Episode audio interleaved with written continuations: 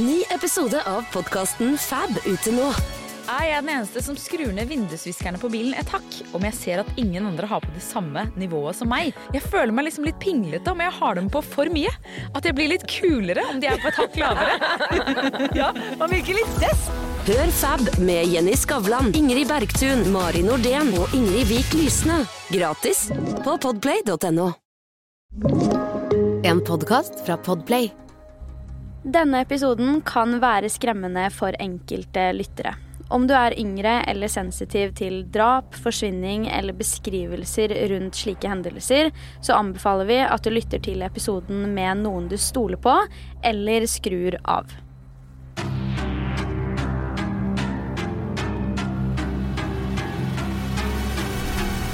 Hei og velkommen til en helt ny episode av Forsvinningsfredag podkast. I denne ukens episode skal jeg ta for meg en sak som også blir omtalt som The Island Party Murder. Selv om dette er en sak som dateres tilbake til 90-tallet, så har det likevel kommet ny informasjon i 2023 som kanskje gjør at man ser litt annerledes på saken. Dette er en sak som skjedde i New Zealand, og New Zealand blir jo ansett å være et veldig fredfylt land, så det er nok ikke så rart at så mange ble sjokkerte da de hørte om denne saken for første gang. I hvert fall ble jeg det. Dette er forsvinningen av 17 år gamle Olivia Hope og 21 år gamle Ben Smart. Aller først, la meg gi deg et lite innblikk i hvem disse var. Ben Smart var en 21 år gammel gutt fra New Zealand. Av sine nære blir han beskrevet som en veldig familiekjær person, som var veldig nær både foreldrene og søstrene sine, men da spesielt sin yngre søster. Faren forteller at Ben var en veldig rolig og laidback fyr, men samtidig veldig pliktoppfyllende. Ben var veldig glad i musikk, kan faren fortelle. Olivia Hope var på den andre siden en 17 år gammel jente, også fra New Zealand. Hun blir i likhet med Ben beskrevet som en veldig familiekjær person, og hadde også et veldig godt forhold til søsteren sin Amelia. De to definerte seg egentlig mer som bestevenner. Utover det var Olivia en veldig sprudlende og blid jente, og hun elsket også å være sosial. Det er veldig usikkert hvorvidt Ben og Olivia var i et forhold, eller om de hadde et godt øye til hverandre, men det var i hvert fall helt sikkert at de i det minste var veldig nære og hadde et godt forhold til hverandre. Når vi kommer litt lenger ut i episoden, så regner jeg også med at du selv vil få noen meninger rundt akkurat det, men utover det jeg har sagt nå, så er det dessverre ikke så altfor mye informasjon der ute å finne om Ben og Olivia som personer. De var generelt to veldig normale ungdommer med et fint nettverk rundt seg, og som rett og slett bare var ute etter å kose seg. Vi skal til nyttårsaften 1997, da Ben Smart og Olivia Hope møtte en hel haug av andre mennesker på det de kalte en yachtfest i New Zealand. Planen til de aller fleste denne kvelden var å feste på det som het Furno Lodge, lokalisert i Malborough Sounds. Dette var et sted man bare kunne komme seg til og fra med båt, så her skulle de feste og danse før de skulle sove på båtene som lå like i nærheten. Dette var visstnok noe alle som valgte å feste der, skulle gjøre. Alternativt kunne man skaffe seg en båttaxi til fastlandet. Noen av de som dro på dette opplegget, hadde da leid en båt for seg selv og sin vennegjeng i et døgn pluss-minus, slik at de var sikre på at de kunne få seg en soveplass den natta og slapp å finne en annen måte å komme seg hjem på. Det høres ut som en plan som skulle være ganske bankers, men dessverre var det ikke helt sånn det ble da de sene nattetimene kom. I hvert fall ikke for gjengen til Olivia. Denne kvelden hadde nemlig Olivia dratt med seg sine venninner og også søsteren sin, og sammen hadde de leid en båt i et døgn for å sikre seg soveplass og en trygg måte å komme seg hjem dagen etter. Jentene kom frem til Furno Lodge rundt klokken 8-9 på kvelden. Og litt etter midnatt dukker også 21 år gamle Ben Smart opp på denne lodgen. Denne kvelden hadde Ben vært med kompisene sine hele kvelden, frem til da ca. midnatt, før han bestemte seg for at han ville dra til lodgen og møte Olivia og vennene hennes. Han dro da rett og slett fra sine egne venner for å møte Olivia, så det gjør jo at mange tror at disse to hadde i det minste en greie for hverandre, men igjen så er det veldig usikkert hva som egentlig var statusen mellom de to. Resten av kvelden tilbrakte Ben og Olivia sammen, og etter hvert var det på tide å dra til båten som vennegjengen til Olivia hadde leid.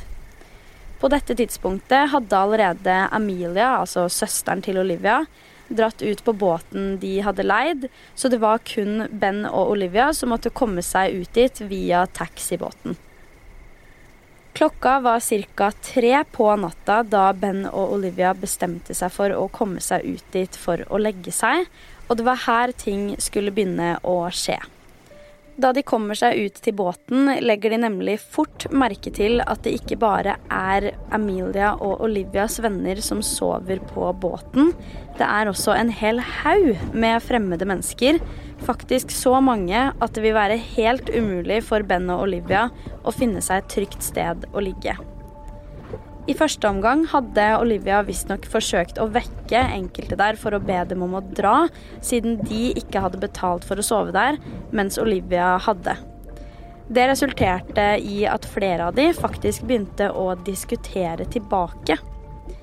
Litt frem og tilbake senere bestemmer Ben og Olivia seg for at de heller finner en annen løsning, og finner da en ny taxibåt og får kontakt med en som jobba i baren på lodgen hvor de hadde tilbrakt tiden sin tidligere på kvelden.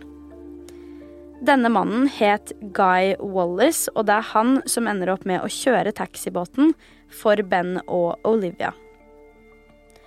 Alt dette får forresten søstera til Olivia med seg, så hun er da også klar over at Ben og Olivia ender opp med å finne et annet sted å sove. Da paret kommer seg om bord i taxibåten, er det også andre passasjerer der. Noen som vet hvor de skal, og andre ikke. Ben og Olivia hilser da på de andre og spør deretter Guy Wallace om råd til hva han syns de burde gjøre. Svaret de fikk, var at det var høyt usannsynlig å finne noe nå midt på natta som ikke allerede var booka av noen andre, tatt i betraktning at det var nyttårsaften. Det er da Guy Wallace sier dette, at en passasjer hopper inn i samtalen. Først sier denne passasjeren at Olivia, og kun Olivia, kunne sove på båten hans, og gjør en ganske slibrig kommentar ut av det. Både Olivia og Ben ser på han med et veldig åpenbart blikk som tilsier at det ikke var innafor, og det er først da denne passasjeren sier at han bare tulla, og at de begge selvfølgelig var hjertelig velkomne til å sove på båten hans.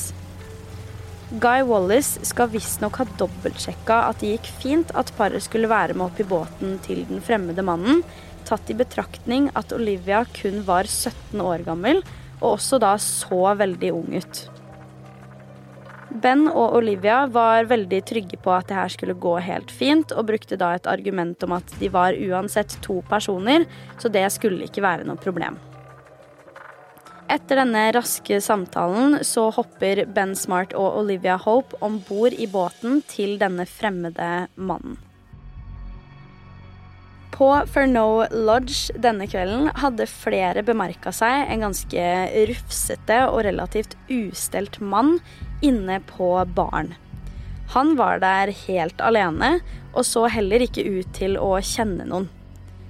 En som jobba i baren, sa til og med at han så ut som at han enten bodde på en båt, eller en som nettopp hadde kommet fra en skikkelig båttur. Hun forteller også at han hadde en veldig merkelig oppførsel denne kvelden. Denne fremmede mannen skal vise seg å faktisk være den samme som inviterte Ben og Olivia til å sove over på båten hans på natta. La meg fortelle deg noen teorier om akkurat dette. Vi må snakke litt om Scott Watson, for han var nemlig et navn som kom på lista ganske raskt i denne saken. Han hadde alltid vært interessert i båter, og den aktuelle kvelden hadde han tatt med seg sin egenbygde båt til Furnow Lodge. Han og søsteren hans kom også fra en familie fylt med masse båtliv. De vokste faktisk opp på en båt og hadde seilt en hel del allerede som barn. Det var derfor ikke sjokkerende at han etter hvert ønska å rett og slett bosette seg på sin egen båt, og det var det han gjorde dette året i 1997. I tillegg til disse faktorene så visste også folk at han faktisk befant seg på Furneaux Lodge den kvelden, men problemet var bare at Scott faktisk var på en fest på en båt. Dette er også dokumentert gjennom et bilde som ble tatt, men samtidig ble han også observert på selve baren rett etter midnatt. Her hadde han blitt til etter at Ben og Olivia hadde dratt, og han prøvde visstnok også å sørge for at Olivia spesifikt kom seg i taxibåten. Denne kvelden hadde Scott oppført seg ganske ufint. Han hadde nemlig kasta seg inn i festen og forsøkt å være med på alt mulig. Og faktisk endte han også opp med å ta på brystet til en av jentene uten hennes samtykke. Generelt hadde han prøvd seg på stort sett alle jentene som var der denne kvelden, og man kunne tydelig se at jentene ikke var særlig fornøyde med oppførselen hans. Ikke bare var han ufin overfor jentene, men han hadde også havna i en krangel med en yngre mann, og i denne krangelen liret av seg flere homofobiske kommentarer til denne unge mannen. Scott spurte også kompisen til denne unge mannen om han hadde en søster, hvorpå kompisen svarer at ja, men hun har kreft. Responsen Scott velger å komme med, er det han selv mener at var tull, han sier nemlig at søsteren kommer til å dø i løpet av to år, som jeg personlig syns er helt vilt å komme med, og da spesielt når han ikke kjenner denne personen og helt uten grunnlag. Nærmere klokka tre på natten denne nyttårsaften forsøker Scott å komme seg om bord i andre båter for å fortsette festen. Han bemerker seg at de aller fleste prøver å sove, og flere av dem uttrykte også at han irriterte dem. Scott bruker en del tid her før han til slutt gir opp og blir skuffa, og deretter drar til sin egen båt igjen. Det er her ting begynner å bli litt vanskelig, ettersom at det er forskjellige forklaringer som sier ulike ting. Politibetjenten som først ble satt på saken, mener nemlig bestemt at Guy Wallis hadde sluppet av Scott, Ben og Olivia på samme sted, mens Guy selv mener at Scott aldri var om bord i taxibåten, i hvert fall ikke på samme tidspunkt som Ben og Olivia. Det tar ikke lang tid før Scott Watson ender opp med å bli mistenkt i denne saken. Dagen etter, altså 1.1.1998, våkner Amelia på denne båten med en haug av fremmede. Som jeg nevnte tidligere i episoden, var hun jo helt klar over at Ben og Olivia hadde funnet et annet sted å sove, så hun pakket bare sammen tingene sine og sendte av gårde alle de fremmede som hadde endt opp på båten i løpet av natta. Etter det venter hun på i hvert fall Olivia, på da båten fordi de to var nødt til å levere tilbake båten der den hørte hjemme. Flere timer gikk, og Amelia ble gradvis mer og mer bekymra. Hun har ikke hørt et eneste ord fra søsteren sin, og vet heller ikke nøyaktig hvor hun endte opp med å sove. Etter hvert konkluderer Amelia med at Olivia og Ben helt sikkert har blitt kjørt tilbake igjen til fastlandet, og deretter dratt hjem, så hun antar rett og slett det og leverer tilbake båten selv før hun også drar hjem. På ettermiddagen samme dag forteller Amelia om dette til foreldrene sine, men foreløpig blir ikke foreldrene utprega stressa av dette. De tenkte nok at Olivia fremdeles var med Ben, og at hun etter hvert ville komme hjem samme kveld. Etter hvert som timene går, forsøker foreldrene å ringe til Olivias venner for å høre om de kunne ha sett henne, og eventuelt om de visste hvor hun kunne være. Ingen av dem kunne fortelle noe mer enn det Amelia kunne, altså at det var fullt på båten, og at de måtte finne et annet sted å sove. Ingen visste hvor hun hadde endt opp, men foreldrene til Olivia og Amelia ber dem da om å si fra dersom de hører fra henne. På morgenen den 2. januar 1998 har fremdeles verken Ben eller Olivia gitt noe som helst lyd fra seg. Dette resulterer i at foreldrene til de begge melder barna sine savnet, og politiet må rett på sak umiddelbart. Kronemarked hos Bar. Nå har vi en mengde varer til 10 og 20 kroner. Hele denne uka får du løbiff fra Folkets før 54,90, nå kun 20 kroner. I tillegg får du et utvalgt Vasa knekkebrød, før fra 16,90, nå bare 10 kroner. Alltid tilbud på noe godt. Hilsen oss i Spar. Det første politiet er nødt til å gjøre, er å få kontakt med alle som var i taxibåten den aktuelle kvelden, for de har jo sett den siste personen man vet med 100% sikkerhet at var med de to alene den kvelden. Etter hvert som de får mer og mer info, klarer de å danne seg et bilde av denne ukjente mannen, og lager da en fantomtegning som skal representere denne mannen. Dette bildet har jeg lagt ut på min Instagram-profil, der jeg heter Forsvinningsfredag. Så dersom det er noe du har lyst til å se, så sjekk ut den profilen. Denne mannen var det uansett flere som hadde sett. Ikke bare hadde de i taxibåten sett han, men også Amelia hadde sett denne mannen. Problemet var bare at det var ganske mørkt ute, og ikke minst var det jo ute på vannet, så det var ganske vanskelig for vitnene å få et helt tydelig bilde på hvem denne mannen var, og nøyaktig hvordan han så ut. Det Amelia husker som veldig tydelig med denne mannsskikkelsen, var de to høye vikene hans. Det var visstnok noe hun bemerka seg, så da hun ble spurt om å peke ut denne mistenkte på et ark av flere personer, så pekte hun på en som hadde nettopp det. Det interessante her er at Scott Watson også var på dette arket av bilder, men Amelia vurderte ikke engang å peke på han, fordi han rett og slett ikke ligna på det hun så den kvelden. 3.1.1998 blir også Guy Wallis, altså mannen som kjørte taxibåten, tatt inn til avhør hos politiet. Han blir her bedt om å naturligvis avgi en forklaring og beskrivelse av den mistenkte, men han blir også bedt om å tegne en skisse av hvordan båten som han avleverte Olivia, Ben og denne ukjente mannen på, så ut. Dette var da en seilbåt med to master. Båten blir beskrevet som ca. 12 meter lang med hvitt skrog, en blå stripe langs siden og med koøyer. 5.1.1998 blir en ny etterforskningsleder satt på saken, og det er egentlig her ting begynner å skje. Så fort den nye etterforskeren blir satt på saken, begynner han nemlig å sette Scott Watson i politiets søkelys for alvor, og tar han inn til avhør umiddelbart.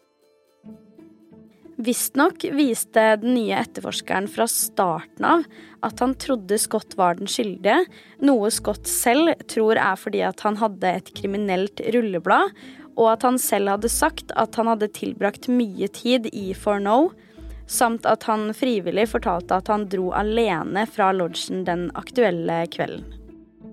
Dette første avhøret er et avhør mange har kritisert sterkt. Det er nemlig under dette avhøret at den nye etterforskeren griller Scott i flere timer og blir sint for at Scott ikke kunne si et helt nøyaktig tidspunkt for når han dro fra lodgen. Scott hadde da svart at det var fordi at han ikke hadde på seg klokke den kvelden, og at han heller ikke pleide å bruke det, men den historien kjøpte rett og slett ikke etterforskeren. Det er mange faktorer når det kommer til Scott som ikke passer inn i det vitnene så med sine egne øyne den aktuelle kvelden. Denne nye etterforskeren hadde rett og slett bestemt seg for at han skulle bevise at Scott var skyldig, og gjorde dermed alt i sin makt for å få han dømt. Dette iveret etter å få han dømt gjorde at etterforskeren fikk en ransakelsesordre på båten til Scott, men her har mange reagert på at det i det hele tatt ble tillatt, ettersom at båten til Scott ikke var på langt nær lik nok båten som ble beskrevet i vitneobservasjonene. Scott sin båt var først og fremst ikke like stor, og den hadde kun én mast og ikke to, slik vitneobservasjonene sa.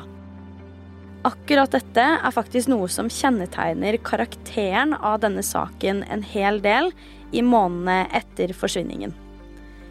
På et tidspunkt ble nemlig stemningen i saken helt ekstremt amper, spesielt fra da politiet bestemte seg for å utføre rettsmedisinske undersøkelser av båten, samt å ta inn Scotts søster til avhør. Grunnen til at hun ble tatt inn til avhør, var fordi politiet hadde fått greie på at hun og Scott hadde seilt med båten rett etter at forsvinningen fant sted.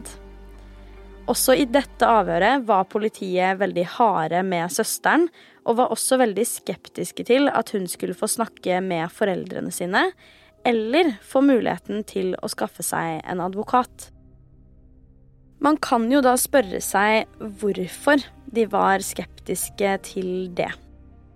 Når det kommer til undersøkelsene av båten, var Scott soleklar på at de kunne ta så mange undersøkelser de bare ønsket, for der kom det ikke til å finne spor av noe som helst.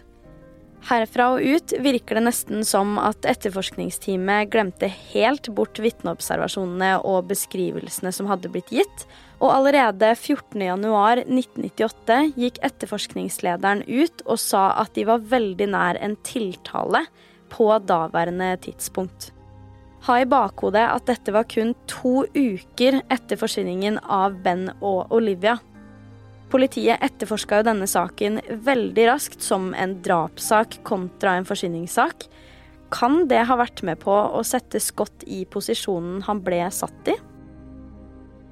På toppen av dette ble jo alt rundt Scott og søsteren til et eneste stort mediesirkus, og alle de store lokale avisene svermet rundt huset deres til alle døgnets tider.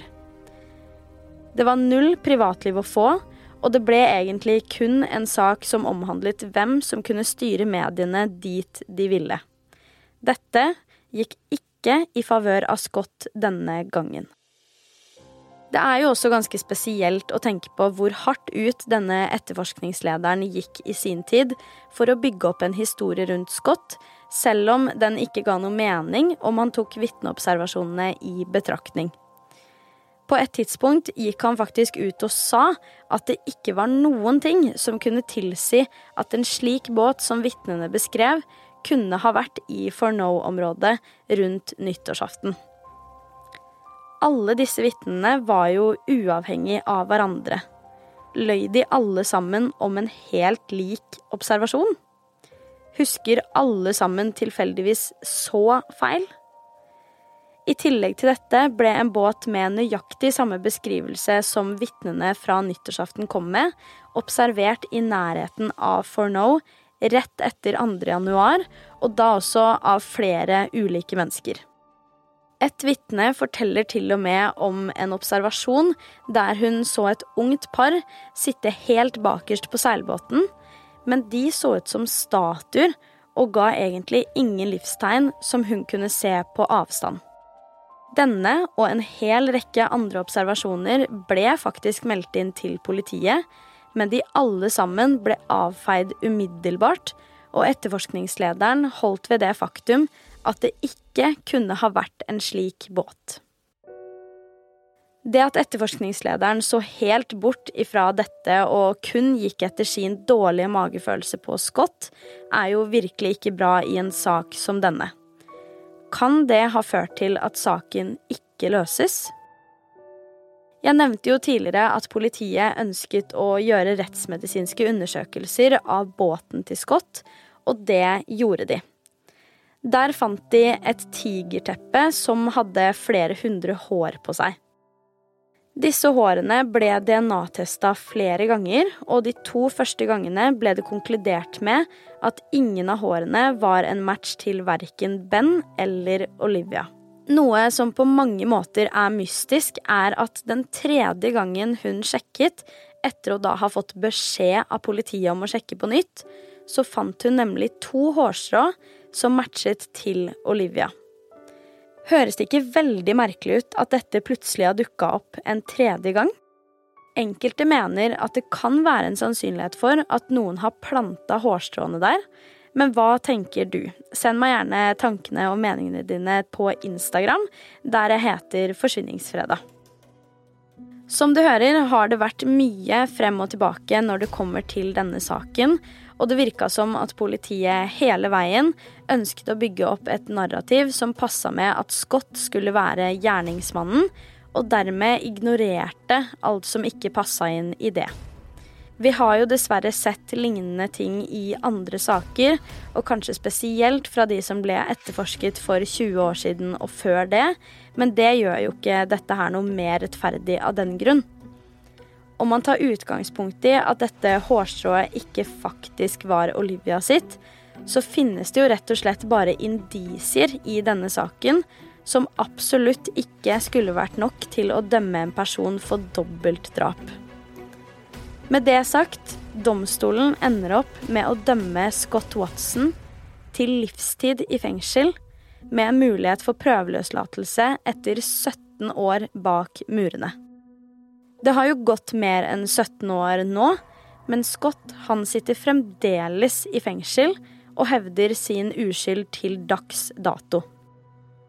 Likene til Ben og Olivia har aldri blitt funnet, antagelig fordi etterforskerne var fornøyde med dommen, og Scott har fått avslag på prøveløslatelse fire ganger siden han først hadde muligheten. Når det er sagt, er faktisk ikke denne saken over enda. I oktober 2023 skal Scott Watson faktisk ha en ny rettshøring, så det blir jo veldig spennende å se om det til slutt vil være sånn at Scott blir frifunnet, eller hva annet som eventuelt kommer ut av det. Scott ble jo egentlig aldri dømt på biologiske spor og DNA-bevis, så fordi at etterforskerne så bort fra helt essensielle observasjoner og beskrivelser, så kan det jo hende at det foreligger en sannsynlighet for at vi en dag vil få et faktisk svar på hva som egentlig skjedde med Ben Smart og Olivia Hope. Alt i alt så er dette her en helt ufattelig frustrerende sak fylt med ganske mye ignoranse fra politiets side. Og det gjør at det føles ganske umulig at det ikke kan ha påvirka sakens utfall. De pårørende fortjener å få de svarene de ønsker, og det håper jeg virkelig at det fremdeles er mulighet for å finne ut av. Kan det være at Scott egentlig er skyldig, eller tror du at gjerningspersonen fremdeles går fri til dags dato? Om du har noen tanker eller meninger rundt denne saken, så setter jeg veldig stor pris på om du vil sende dem inn til meg på Instagram, der jeg heter Forsyningsfredag. Så kan vi diskutere litt der. Du har hørt Forsyningsfredag podcast med meg, Sara Høydahl. Tusen takk for at du har lytta til episoden. Jeg er tilbake med en helt ny en allerede neste fredag, og i mellomtiden, ta vare på deg selv.